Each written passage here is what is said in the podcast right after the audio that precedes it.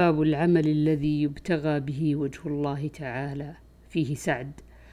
عن محمود بن الربيع وزعم أنه عقل رسول الله صلى الله عليه وسلم وقال وعقل مجة مجها من دلو كانت في دارهم قال سمعت عتبان بن مالك الأنصاري ثم أحد بني سالم قال غدا علي رسول الله صلى الله عليه وسلم فقال لن يوافي عبد يوم القيامة يقول لا إله إلا الله يبتغي بها وجه الله إلا حرم الله عليه النار.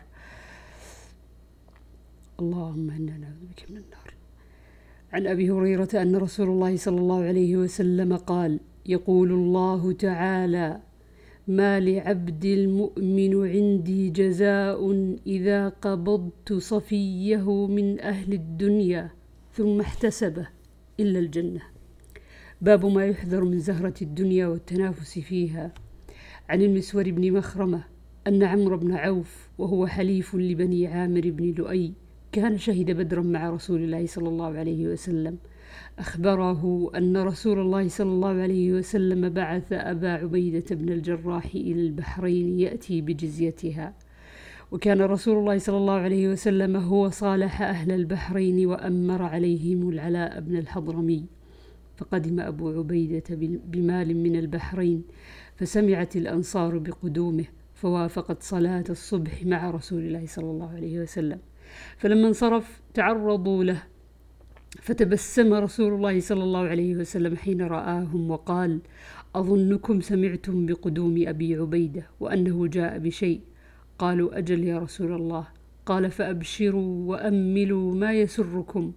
فوالله ما الفقر أخشى عليكم ولكن أخشى عليكم أن تبسط عليكم الدنيا كما بسطت على من كان قبلكم فتنافسوها كما تنافسوها وتلهيكم كما ألهتهم.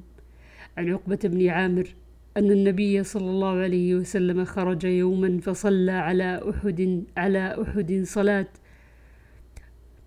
فصلى على أهل أحد صلاته على الميت ثم انصرف إلى المنبر فقال إني فرط لكم وأنا شهيد عليكم وإني والله لأنظر إلى حوضي الآن وإني قد أعطيت مفاتيح خزائن الأرض أو مفاتيح الأرض وإني والله ما أخاف عليكم أن تشركوا بعدي ولكن أخاف عليكم أن تنافسوا فيها.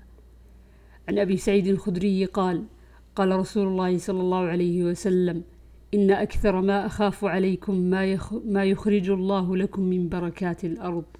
قيل وما بركات الأرض؟ قال زهرة الدنيا. فقال رجل هل يأتي الخير بالشر؟ هل يأتي الخير بالشر؟ فصمت النبي صلى الله عليه وسلم حتى ظننت أنه ينزل عليه ثم جعل يمسح عن جبينه فقال أين السائل؟ قال أنا. قال أبو سعيد لقد حمدناه حين طلع لذلك. قال لا يأتي الخير إلا بالخير إن هذا المال خضرة حلوة وإن كل ما أنبت الربيع يقتل حب يقتل حبطا أو يلم إلا آكل إلا آكلة الخضرة. أكلت حتى إذا امتدت خاصرتاها استقبلت الشمس اجترت وثلطت وبالت ثم عادت فأكلت.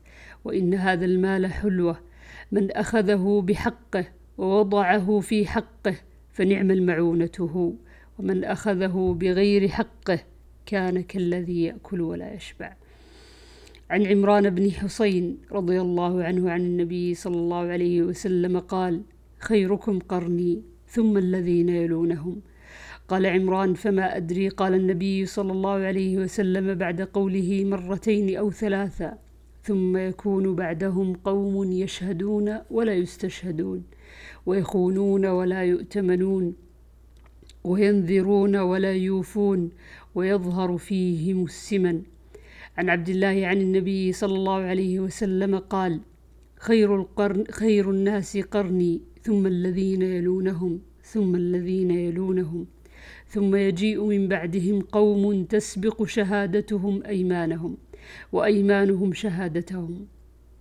عن قيس قال سمعت خبابا وقد اكتوى يومئذ سبعا في بطنه وقال لولا أن رسول الله صلى الله عليه وسلم نهانا أن ندعو بالموت لدعوت بالموت.